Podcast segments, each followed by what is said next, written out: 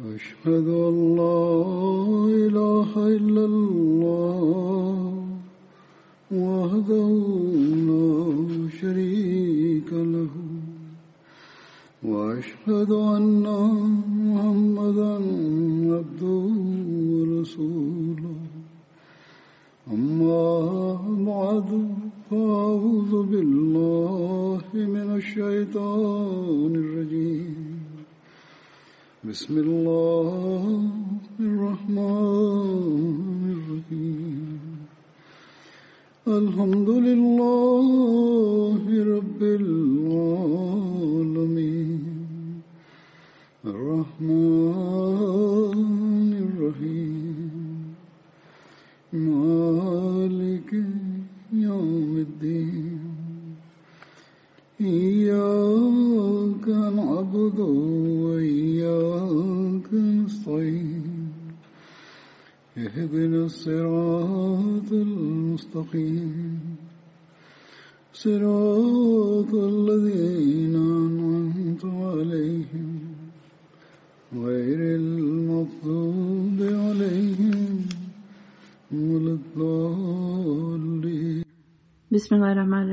Hazreti Halifatul Mesih peti da Allah bude njegov pomagač je rekao danas ću da govorim o ashabu Ubejda ibn Đerah radijalahu anhu. Njegovo ime je bilo Amir ibn Abdullah. Njegov otac se zvao Abdullah ibn Đerah. Hazreti Ebu Ubejda je e, poznat više po njegovoj tituli, e, po imenu njegovog djeda Đerah. Umejma bint Ghanem je bila njegova majka, Benu Hares bin Fihri je bilo njegovo pleme, koje je također kurejšijsko pleme. Opis njegovog fizičkog izgleda kažu da je bio visok, mršav i imao je e, mršavo lice. On je izgubio prva dva zuba e, kada je čupao iz poslanikove glave kad mu se zabio e, neki metal on je čupao to svojim zubima i tako izgubio svoje zube na, u vrijeme uhoda. On je knio svoju kosu, e, nekoliko se je puta ženio. On je samo imao djecu od dvije supruge. Imao je dva sina, jedan se zvao Jazid, a drugi Umeir.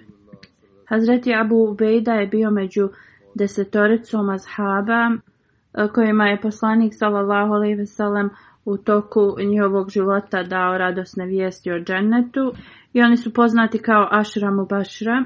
Hazreti Abu Ubejda je e, bio smatran među vrlo e, časnim ljudima, kurejšijama. On je prihvatio islam od Ebu Bekra. Ebu Bekra djelahu, on mu je govorio o islamu i tako je on prihvatio islam. U to vrijeme e, bilo je vrlo malo muslimana i nisu bili se još nisu bili osnovali Darul Arkam. On je bio deveta osoba koja je prihvatila islam. Hazreti Enes prenosi da je poslanik sallallahu alejhi ve rekao da svaka nacija ima čuvara ili skrbnika, a čuvar ovog umeta je Ebu Ubejda bin Jarrah. Prema hadisima iz Buharija i Muslima, ljudi e, iz Nađran, dok u drugim se prenosi da su ljudi iz Jemena došli kod poslanika sallallahu alejhi Oni su rekli pošalji nekog s nama ko će nas podučavati vjeri. U jednom hadisu se spominje da su rekli e, pošalji s nama nekog e, kao povjerljivog čovjeka. Onda je poslanik sallallahu alejhi rekao da zaista ću poslati čovjeka koji će da izvršava e, sve dužnosti e, ispravno. I onda je poslanik sallallahu alejhi ve uzeo ruku od Abu Ubejda bin Đara i rekao je e, on je povjerljivi iz ovog umeta. Hazreti Ebu Hureyra prenosi da je poslanik sallallahu alejhi ve rekao kako su odlični Ebu Bekr, Omer, Ebu Ubeida bin Useid bin Hudair, Sabit bin Keis bin Shamat, Muaz bin Jabal i Muaz bin Amr bin al jamu To jest on je pohvalio sve. Sljedeći hadis e, se povezuje sa ovim što je Ebu Hureyra sad spomenuo. Jednom je Hazreti Aisha radijalahu anha bila upitana da li je poslanik sallallahu alejhi ve postavio nekoga poslije sebe. Da je, koga bi e, on postavio. Hazreti Ajša radijalahu anha je rekla Hazreti Ebu Bekra. Onda su je pitala poslije Hazreti Ebu Bekra, ona je rekla Hazreti Omera. Onda su je pitali, a poslije Hazreti Omera. Onda je Hazreti Ajša radijalahu anha rekla Hazreti Ubejda bin Đarah. Ovaj hadis je iz muslima. U drugom hadisu se prenosi da je Abdullah bin Shakik upitao Hazreti Ajšu radijallahu anha, ko je bio najdraži poslaniku sallallahu alaihi veselam od njegovih ashaba? Hazreti Ajša radijallahu anha je rekla, Hazreti Abu Bekr. Onda je ovaj čovjek upitao poslije njega, Hazreti Aisha je rekla Hazreti Omer radijalahu anhu, on je upitao poslije njega, Hazreti Ajša je e, odgovorila Ubejd, e, bin Đerah. On je upitao, a poslije njega ovaj prenosec kaže da je Hazreti Ajša nije govorila poslije toga. Insirat Hatan Munabin, Hazreti Mirza Bashir Ahmed Sahib je zapisao status koji je imao u Bejda bin Đarah u očima Hazreti Ajše radijalahu anhu, anha.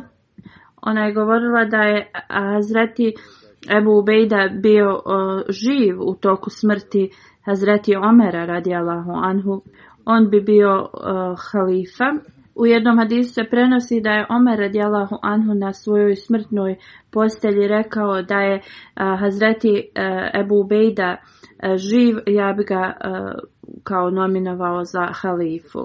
A kad bi me moj gospodar upitao zašto sam ja to uradio, Rekao bi mu, čuo sam tvog poslanika, salallahu alaihi veselam, kako govori da Ebu Ubejda je čuvar ovog e, umeta i zbog toga sam ga učinio da bude moj e, kao nasljednik, kao halifa. Kad je Hazreti Abu Bejda primio islam, njegov otac ga je e, mučio puno. On je također bio jedan od onih koji su se preselili u Abesiniju i kada se on, uh, Abu Bejda radijalahu anhu preselio u Medinu, kažu da je lice poslanika sallallahu alejhi ve sellem počelo kao da blista. Hazreti Omer radijalahu anhu je izašao ispred njega i zagrlio, zagrlio ga je i on je boravio u kući od Hazreti Kulsun bin Hidden. Ovo nije bila Ummi Kulsun, ovo je e, kuća bila uh, e, Kulsun bin Hidden. Razni hadisi postoje u vezi e, bratstva koje je poslanik sallallahu alejhi ve u Medinu spostavljao između ashaba. Prema nekima da je poslanik sallallahu alejhi ve uspostavio bratstvo između Ebu Ubejda i Hazreti Salam e, oslobođeni rob od e, Ebu Hudejfa, e, Prema drugima se, hadisima se prenosi da je to bratstvo bilo između njega i Muhammed bin Maslama, a prema drugima da je to bilo sa Hazreti Saad bin Muaz. Hazreti Ebu Ubejda Benđara je učestvovao u svim borbama uz časnog poslanika sallallahu alejhi ve uključujući Bedar i Uhud. On je imao 41 godinu u vrijeme bitke na Bedru.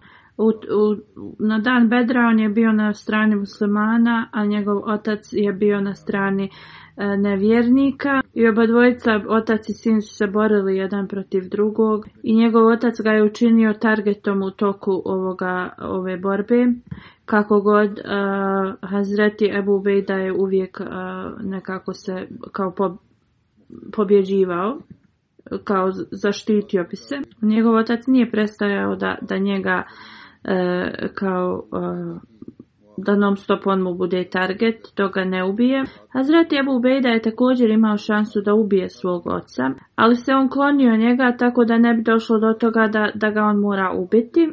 I kada je Hazreti Ebu Bejda vidio da njegov otac njega ne popušta i ta žar prema Allahovom jedinstvu i vjeri e, se uzbudila u njegovom srcu i kada je vidio da je njegov otac išao na sve da ga ubije, samo zbog toga što je on vjerovao u, Božje jedinstvo, on je zaboravio tu vezu koju, koju familijarnu koju su imali i zbog toga u, u se prenosi da jednostavno e, kada je vidio da, da njegov otac ide da, da ga ubije, to mu je bio jedini cilj i target u toj borbi. on je ubio svog oca u toj borbi. On, njemu nije ostao nikakav drugačiji izbor osim da ga ubije. U toku da Abdullah bin Kamija je bacio uh, stijenu ili kamen na poslanika sallallahu alejhi ve sellem. Tad je poslanik sallallahu alejhi ve bio povrijeđen i njegov je zub bio slomljen. On se onda uzvikivao kao eto ti to, ja sam sin od Kamija. Brišući krv sa svog blagoslovljenog lica, poslanik sallallahu alejhi ve sellem je rekao: neka te Allah um, osramoti. Prenosec govori da u, to, u tom trenutku eh, neka kao divlja koza je počela da udara tog čovjeka eh, svojim rogovima i, i, i udarala ga je sve dok on nije postao mrtav. Hazreti Ajša radijalahu anha u vezi ovoga govori da Hazreti Ebu Bekr radijalahu anhu je rekao kada je e, poslanik sallallahu alejhi ve bio pogođen kamenom u lice u toku Uhuda e, toliko snažno tim kamenom da e, na njegovom oklopu ili kao kacigi dva su se kao neka lanca slomila i ubila su zabila su u njegovu lobanju Hazreti Ebu Bekir je rekao, ja sam trčao prema poslaniku, salallahu alaihi veselam, ali sam vidio da neko druga osoba tako brzo kao da leti e, prema poslaniku, prije njega je stigao.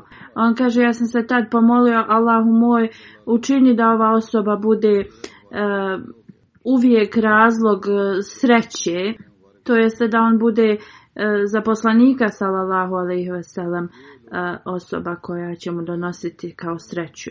Kad smo stigli do poslanika salallahu alejhi salam Ebu Bekr govori da vidio sam da je to bio Ebu Ubejd Ebu Ubejda bin On mi je rekao, o Ebu Bekre, u ime Allaha dozvoli mi da ja iščupam ove kao ta, ta dva kruga metalna što su se zabola u poslanikovu glavu.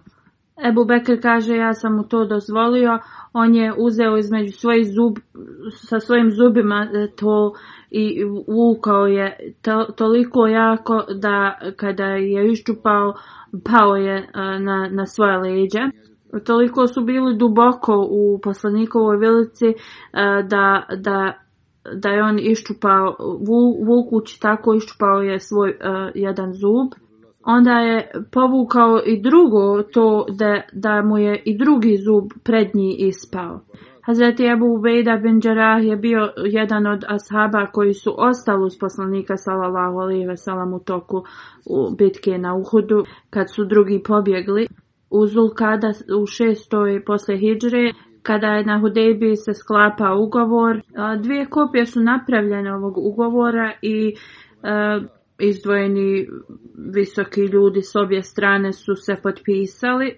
Od e, svjedoka na muslimanskoj strani bio je Hazreti Abu Bekr, Hazreti Omer, Hazreti Osman, Hazreti Abdurrahman bin Auf, Hazreti Saad bin Abi Vekas i Hazreti Abu Ubejda bin Đerah.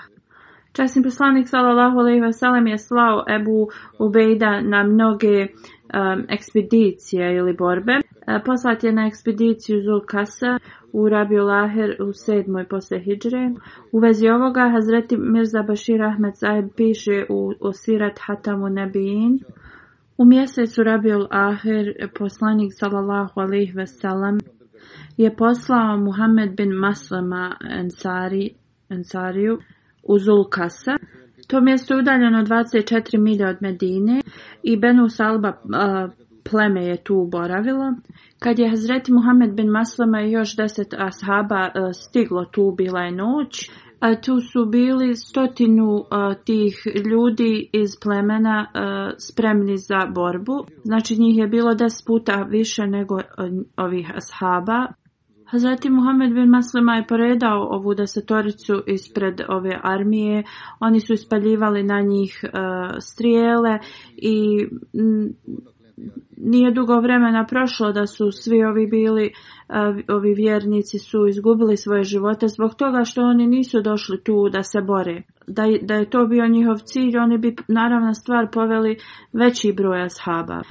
Svi ovi ashabi koji su došli uz Muhameda bin Maslama su postali šehidi, on je preživio ti nevjernici su ga ostavili tu sa ovim drugim ashabima jer su mislili da je i on bio mrtav i oni su skinuli njihovu odjeću s njih.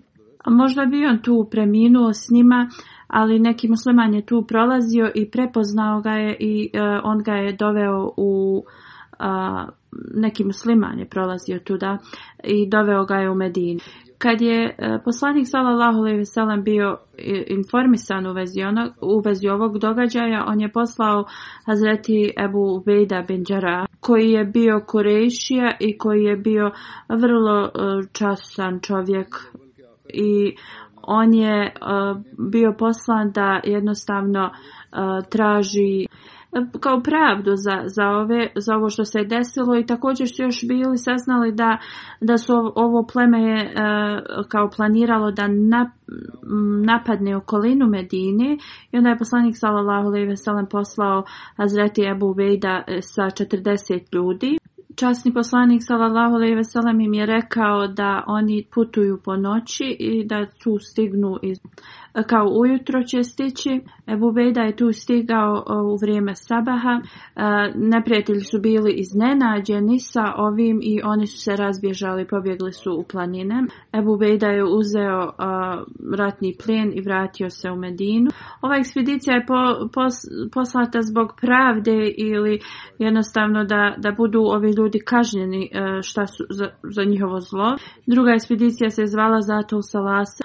Razlog zašto se ovo ovako zvalo jeste da su e, ti nevjernici se svezali jedan za drugog tako da e, ne mogu bježati.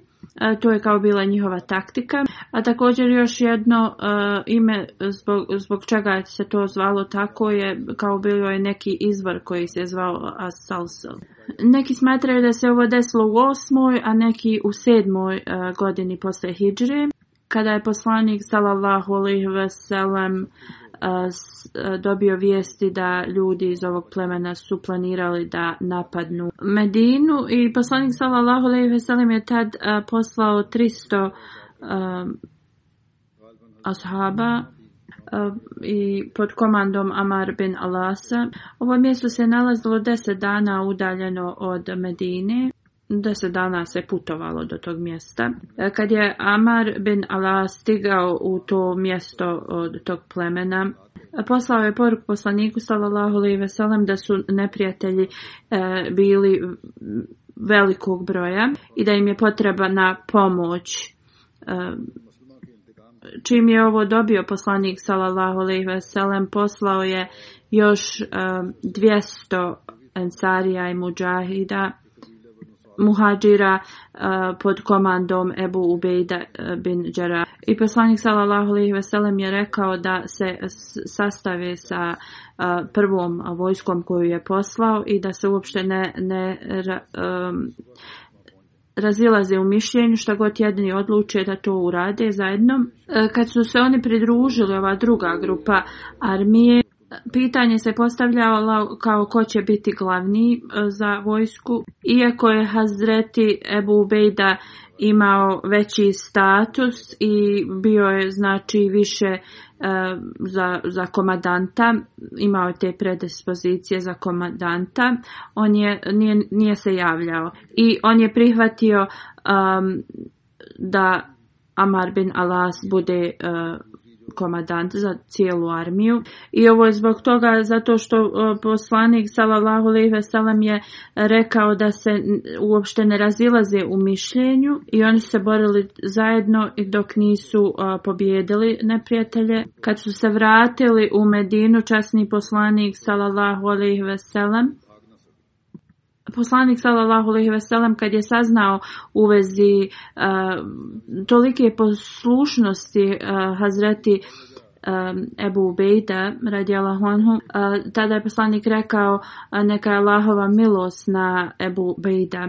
jer je on pokazao takav standard i stepen poslušnosti. Onda Siful Bahar ekspedicija se, koja se zvala Saraja ali to, to su te E, ti pokreti u kojima poslanik sallallahu alejhi nije učestvovao. Ovo je bilo u osmoj posle hidžre e, na obali mora i poznata je kao Jaisal Habat. E, objašnjenje za ovo jeste za ovo ime ove ekspedicije jeste zbog toga što nije bilo hrane, a sahabi su morali jesti lišće sa drveta koje se zvalo habat Haba također ima značenje kad lišće opada i ova ekspedicija se e, spominje u Buhariju. Hazreti Džabira djela prenosi da je časni poslanik sallallahu alejhi ve poslao 300 ashaba pod liderstvom Ebu Bejda bin Džera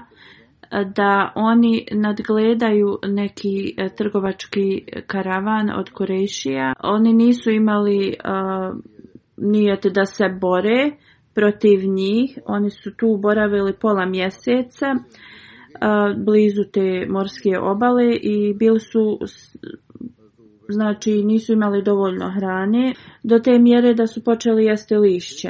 Znači nije svaka ekspedicija bila e, samo da se oni idu boriti, imali su druge e, svrhe. Nekad su te ekspedicije pretvorene u, u borbu, ali one su se zvale serije. To jeste te ekspedicije gdje poslanik sallallahu alejhi ve nije išao u njih. U svakom slučaju oni su bili toliko gladni da su jeli lišće i ova se armija zvala Džejš Uhvat.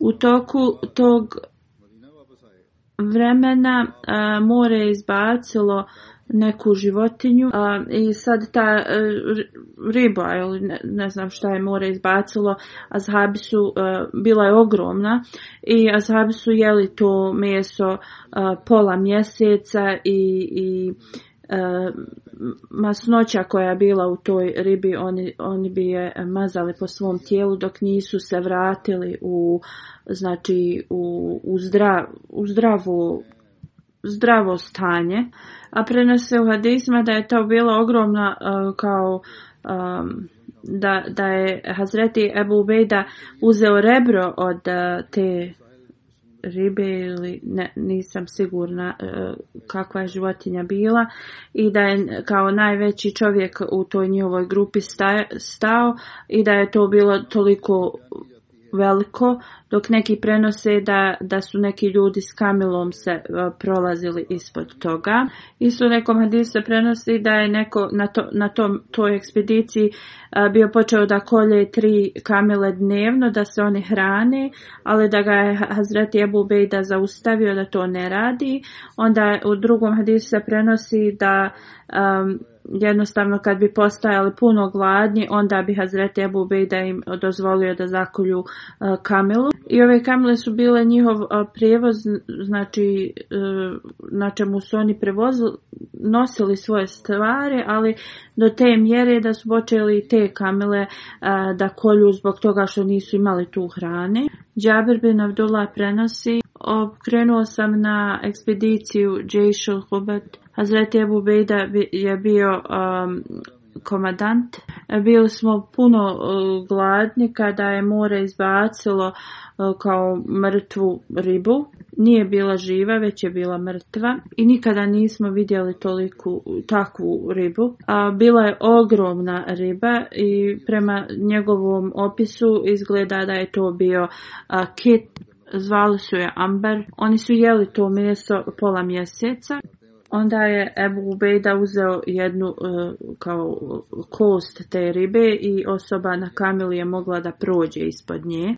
Ibn Đureć prenosi da Zubair mu je također rekao da je čuo Hazreti Đabira da kaže da je Hazreti Ubejda e, naredio da se jede ta riba, iako je već bila e, kao mrtva. Rekao je da nema, da, da, da je u redu i kad su došli u Medinu, rekli su to poslaniku, salallahu veselem, da je ta riba već bila mrtva. Poslanik, salallahu veselem, je rekao, trebate da jedete ono što vam je Allah dao. Allah je vidio u kakvom ste vi stanju i to vam je on poslao i vi ste to jeli i nema uopšte E, nije problem u tome što su to radili. Ako, ste, ako imate išta e, kao ostatak tog mesa od te ribe, e, dajte i meni. I neko je dao to meso poslaniku salalahu alaihi veselam i on je to isto jeo. U komentaru u vezi ovo, ove ekspedicije stoji da ova ekspedicija nije bila zbog rata. Oni su bili poslani da, da sačuvaju da se zbrinu za trgovački karavan. Prema Ibn Sad ovaj konvoj je imao 300 muhađira i ensarija. Hazreti Ebu Bejda bin je bio njihov komadant i ova se ekspedicija e, zove Siful Bahar. Put na kojem ko, je bio za ove karavane blizu e, Crvenog mora i oni su se tu e, zaustavili kao kampovali su i zbog toga ova ekspedicija se zove Siful Bahar. Sif znači obala. Ibn Sad je ovu e, ukratko spomenuo pod e, nas, naslovom Habad. A Habad znači e, lišće. I oni su bili primorani da jedu lišće.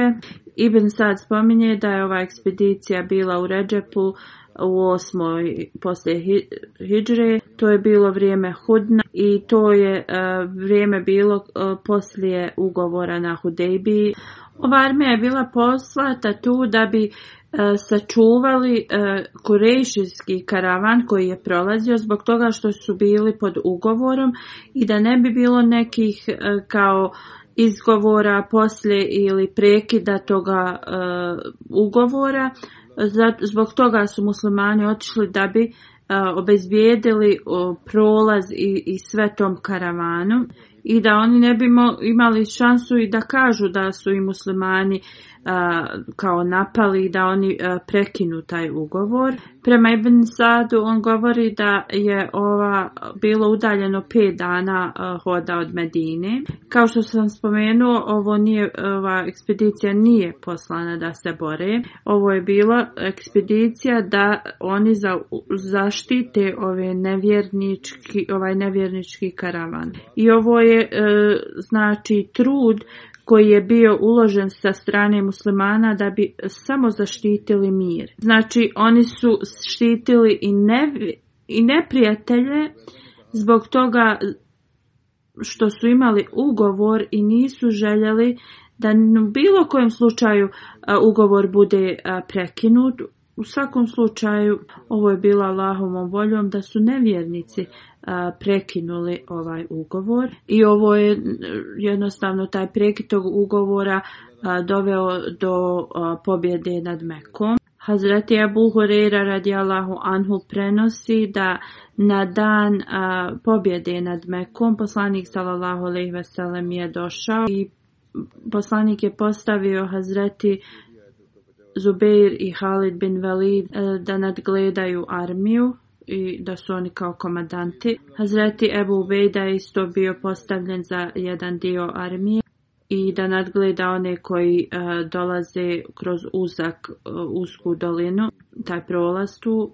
Poslanik sallallahu alejhi ve sellem je imao ugovor sa ljudima iz Bahrein, ali uslov je bio da oni plaćaju džiziju a Allah bin Hadrami je bio postavljen e, kao emir e, tog mjesta je bio postavljen i poslanika je poslao da e, prikupi džiziju.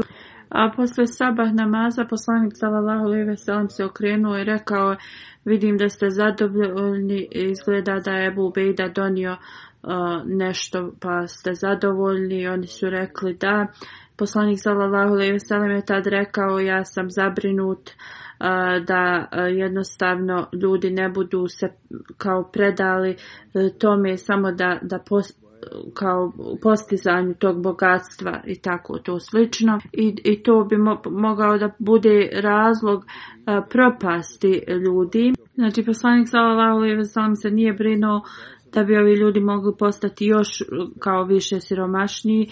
Njegova briga je bila u tome e, da, da će se jednostavno ljudi predati tome postizanju materializma i da će razviti tu neku E, želju za tim, što bi moglo e, prouzrokovati njihov, njihovu propast. Ovo treba da bude e, svima nama pouka jer vidimo da mnogi su se jednostavno predali uh, ovome i mnogi muslimanski lideri i, i svi, svi su se predali što više u sticanju ovoga bogatstva iako oni e, verbalno govore e, Allahovo ime, ali njihov glavni cilj je ovo svjetska e, znači bogatstvo i, status.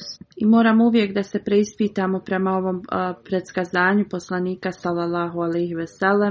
Zaista nama će biti data bogatstvo, ali to ne treba uopšte da nam jednostavno da nas učini da zaboravljamo na svoju vjeru i dužnosti svoje.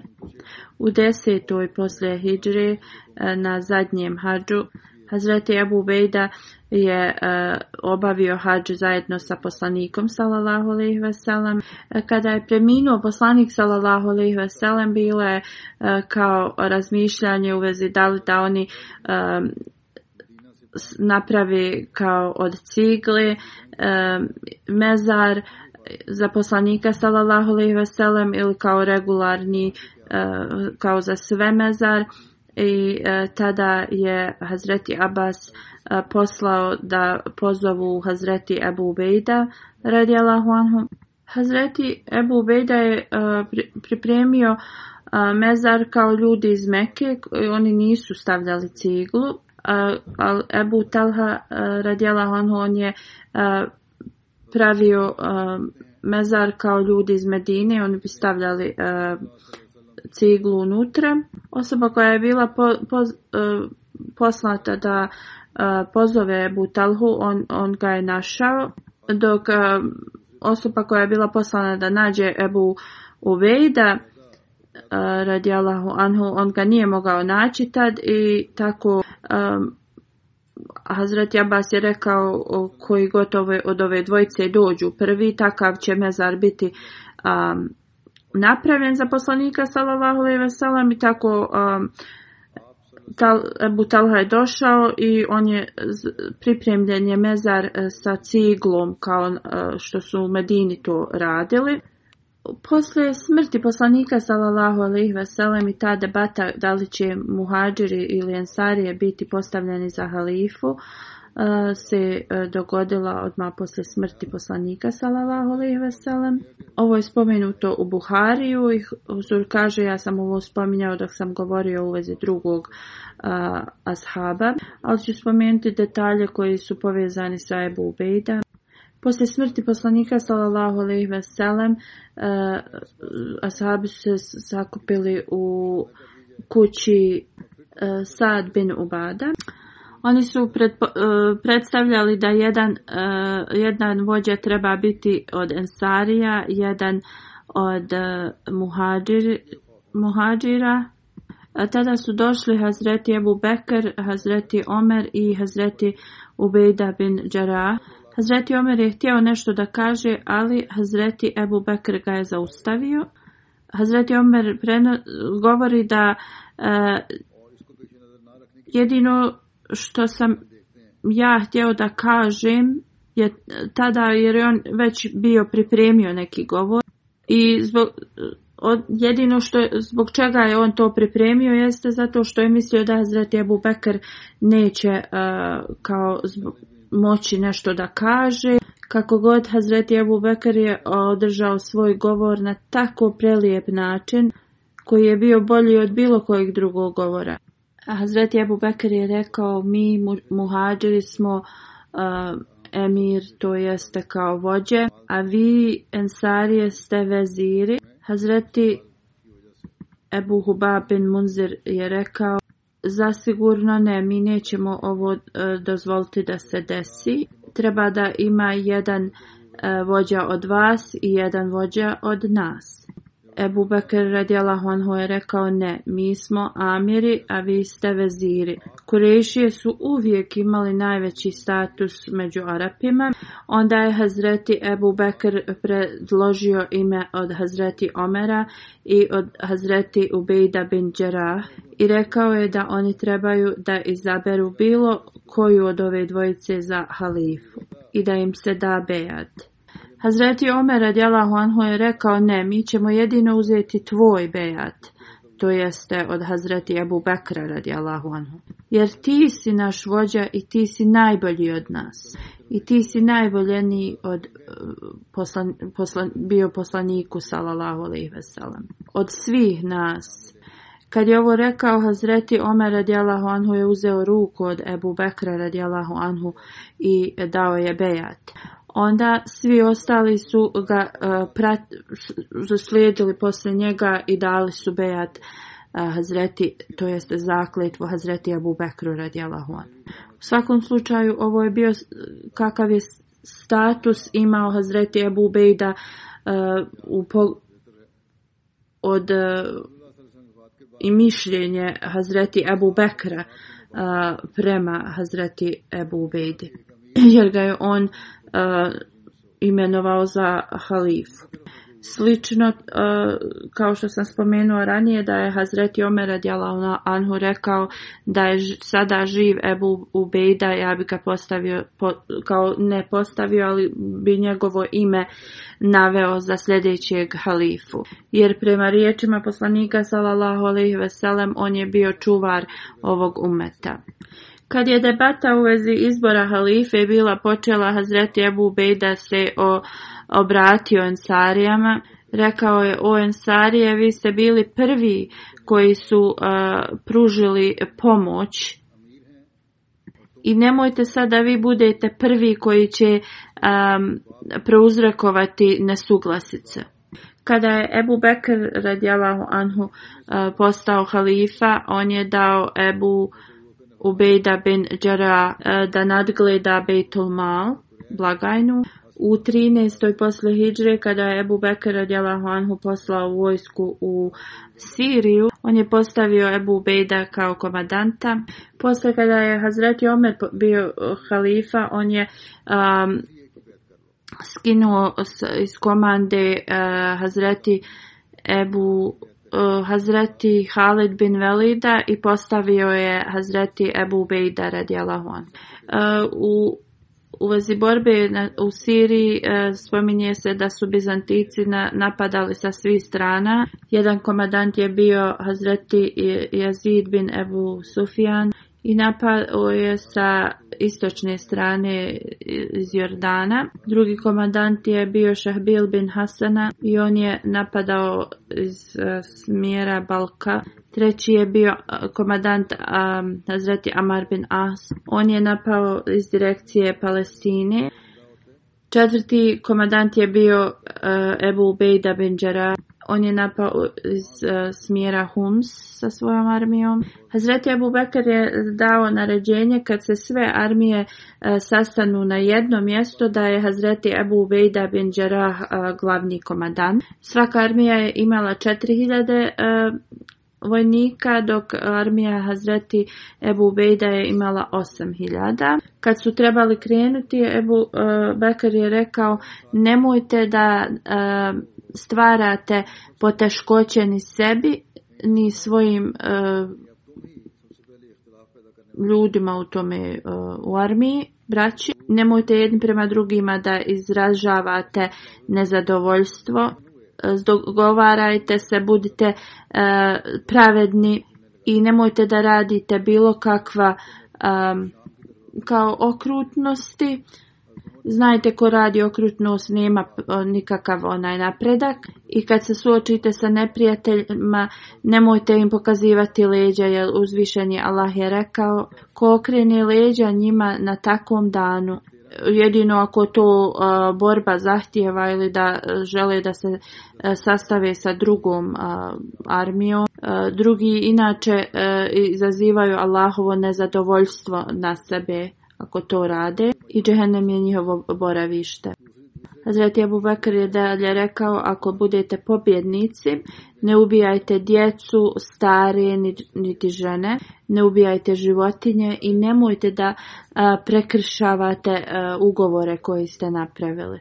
Hazreti Abu Bejda je pobjedio a, sirijski grad Mab i stanovnici tog grada su potpisali ugovor mira pod uslovom da plaćaju džiziju. Onda je on krenuo prema direkciji Džabije i tu su bili velika armija Bizantijaca i onda je poslao e, Ebu Bekeru e, pismo za još pomoć, e, ispomoć. Hazreti Ebu Bekir je onda naredio Hazreti Halidu bin Velidu koji je već bio krenuo na Irak da pola svoje armije ostavi sani i da ode da pomogne Ebu Ubejda. Onda je napisao, Hazreti Ebu Bekir je napisao pismo Ebu Ubejdi i rekavši da je on postavio Halida bin Velida za komadanta. Ja znam da se ti bolji i većeg statusa od njega. E, cijelo pismo slijedi od Allahovog sluge Atik bin Abi Kahafa za Ebu Ubejda bin Đara, a tik je bilo ime e, Ebu Bekra radijalahu anhu, Ebu Kahafa je bio njegov otac. Neka je Allahov e, mir na tebe, ja sam e, postavio Halida kao komadanta za armiju poslatu u Siriju. Nemoj da mu se uh, suprostavljaš, slušaj ga i budi mu poslušan ja sam postavio tebe da nadgledaš stvari. Ja znam da ti imaš veći status od njega.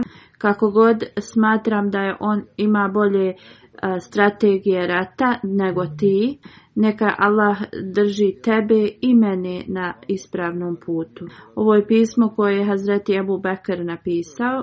Hazreti Halid bin Valid je napisao sljedeće pismo iz Hira Hazreti Ubejdula.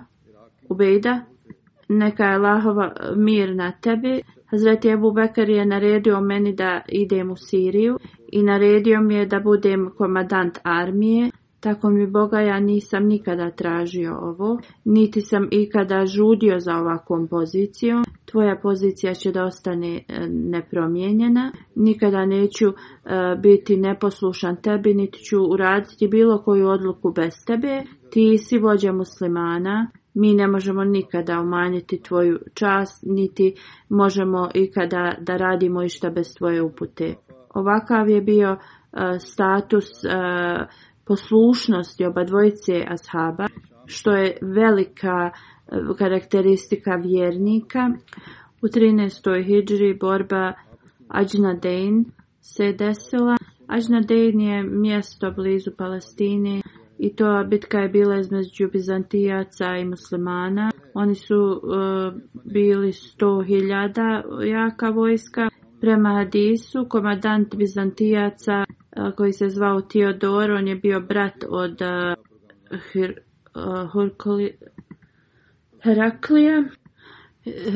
je bio bizantijski car i muslimanska armija koja je iznosila 35.000 ih je pobjedila i oni su pobjedili taj Ajnadein mjesto. Detalji u vezi ovoj borbe su sljedeći. Muslimani su okružili Damaskus, glavni grad Sirije i najstariji grad u svijetu, u Muharem u 14. poslije Hidžre. Ovo je trajalo šest mjeseci i e, ti ne, neprijatelji su se onda povukli u svoje tvrđave i pošto oni, to je bilo njihovo mjesto, nadam stvari otišli su svoje tvrđave, ovi pet komadanata muslimanske armije su okružili taj grad. Hazreti Abu Ubejda je bio sa svojom armijom na istočnoj strani e, vrata e, koja se nalazila tu. Hazreti Halid bin Velid je bio na zapadnoj strani, kao na zapadnim vratima te tvrđave.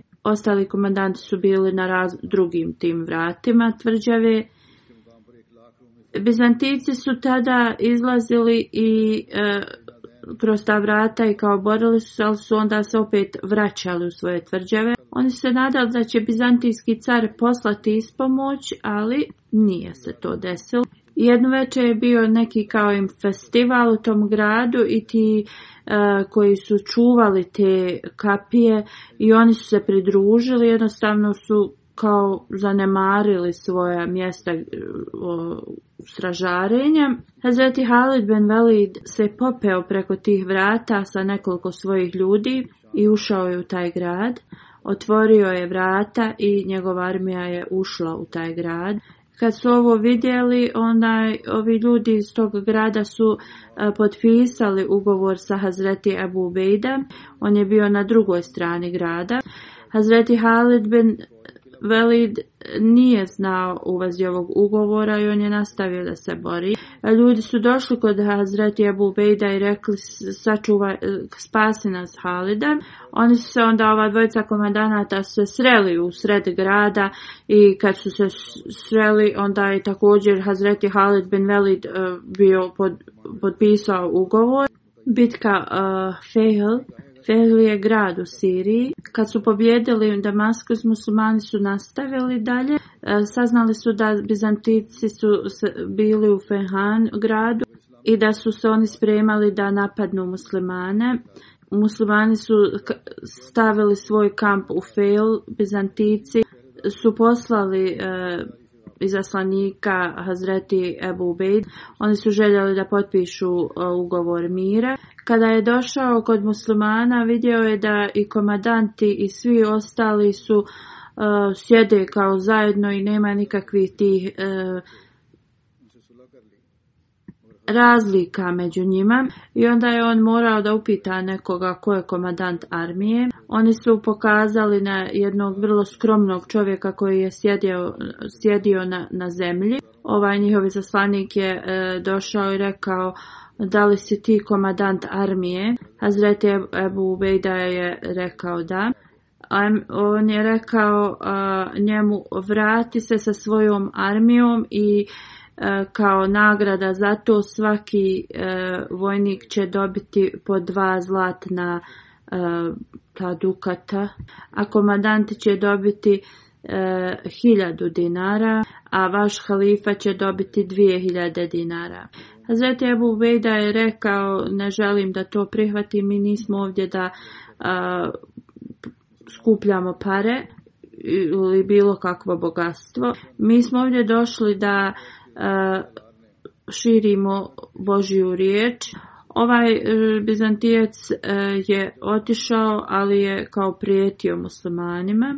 Kada je vidio ponašanje ovog izaslanika od Bizantijaca, Hazreti Ebu da je rekao da se armija spremi.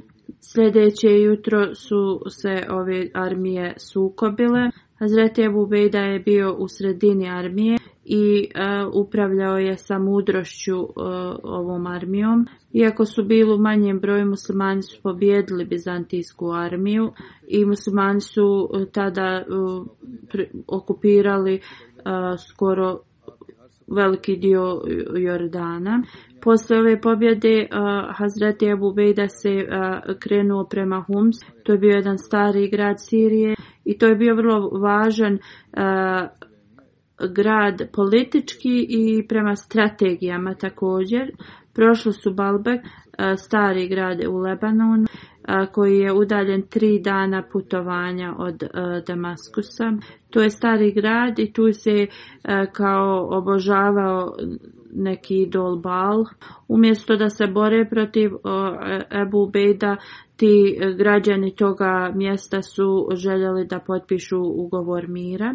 Oni su pristali, ali e, pod uslovom da oni plaćaju džiziju. Ebu Bejda nije, znači se borio protiv njih i džizija je bila prihvaćena. Bilo im je dozvoljeno da oni i dalje prate svoju religiju.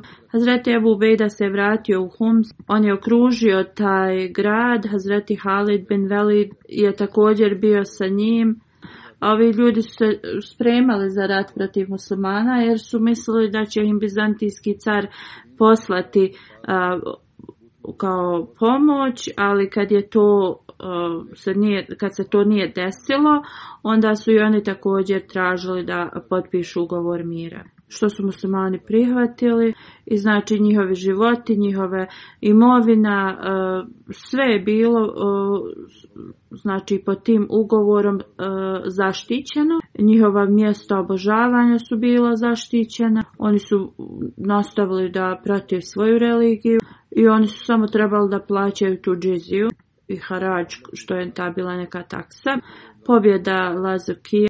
Posle ovoga muslimani su krenuli prema Lazikija, e, također grad u Siriji e, koji je na obali. Ovaj grad je bio dosta pripremljen, e, imali su tvrđavu, imali su veliki iznos kao pšenice, nisu se bojali gladi ali Hazreti Abu Bejda je e, imao drugu strategiju e, u osvajanju ovog grada.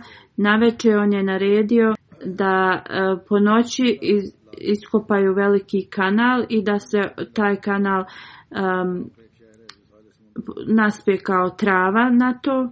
Izutra je kao naredio da se vraćaju u Hams i to je izgledalo kao da oni napuštaju tu, to mjesto kada su vidjeli kao da se oni povlače, ovi su ljudi iz tog grada kao slavili i otvorili su svoje kapije grada.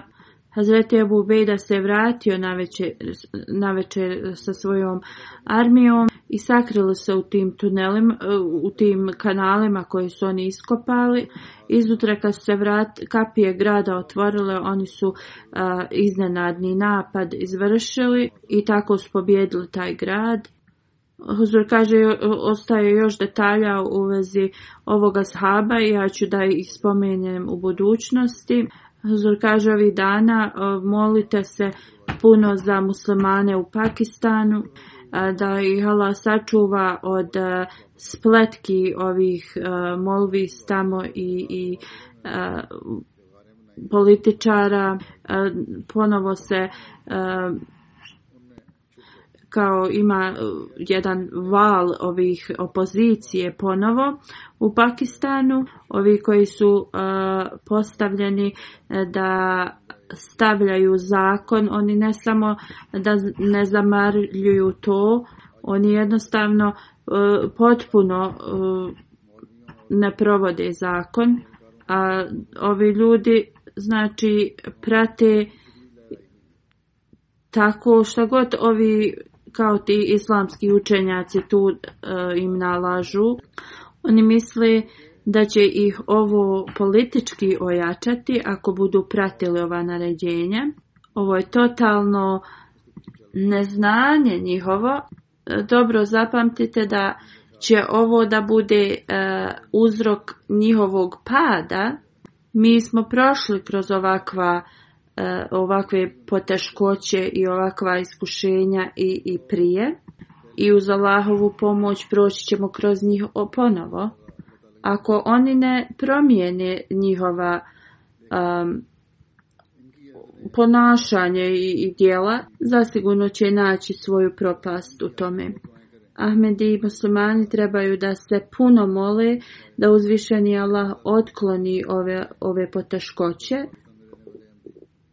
povećajte svoju vezu sa uzvišenim Allahom, posebno Ahmedi muslimani u Pakistanu i ovi koji su se preselili iz Pakistana, tako da uzvišeni Allah nam e, podari svoju pomoć što prije i tako da Ahmedi muslimani koji prolaze kroz ove poteškoće da i Allah sačuva. Alhamdulillah. الحمد لله نحمده ونستعينه ونستغفره ونؤمن به ونتوكل عليه ونعوذ بالله من شرور أنفسنا ومن سيئات أعمالنا من يهده الله فلا مضل له ومن يضلل فلا هادي له ونشهد أن لا إله إلا الله ونشهد أن محمدا عبده ورسوله عباد الله رحمكم الله إن الله يأمر بالعدل واللسان وإيتاء ذي القربى وينهى عن الفحشاء والمنكر والبغي يعظكم لعلكم تذكرون اذكروا الله يذكركم ودوه يستجب لكم ولذكر الله أكبر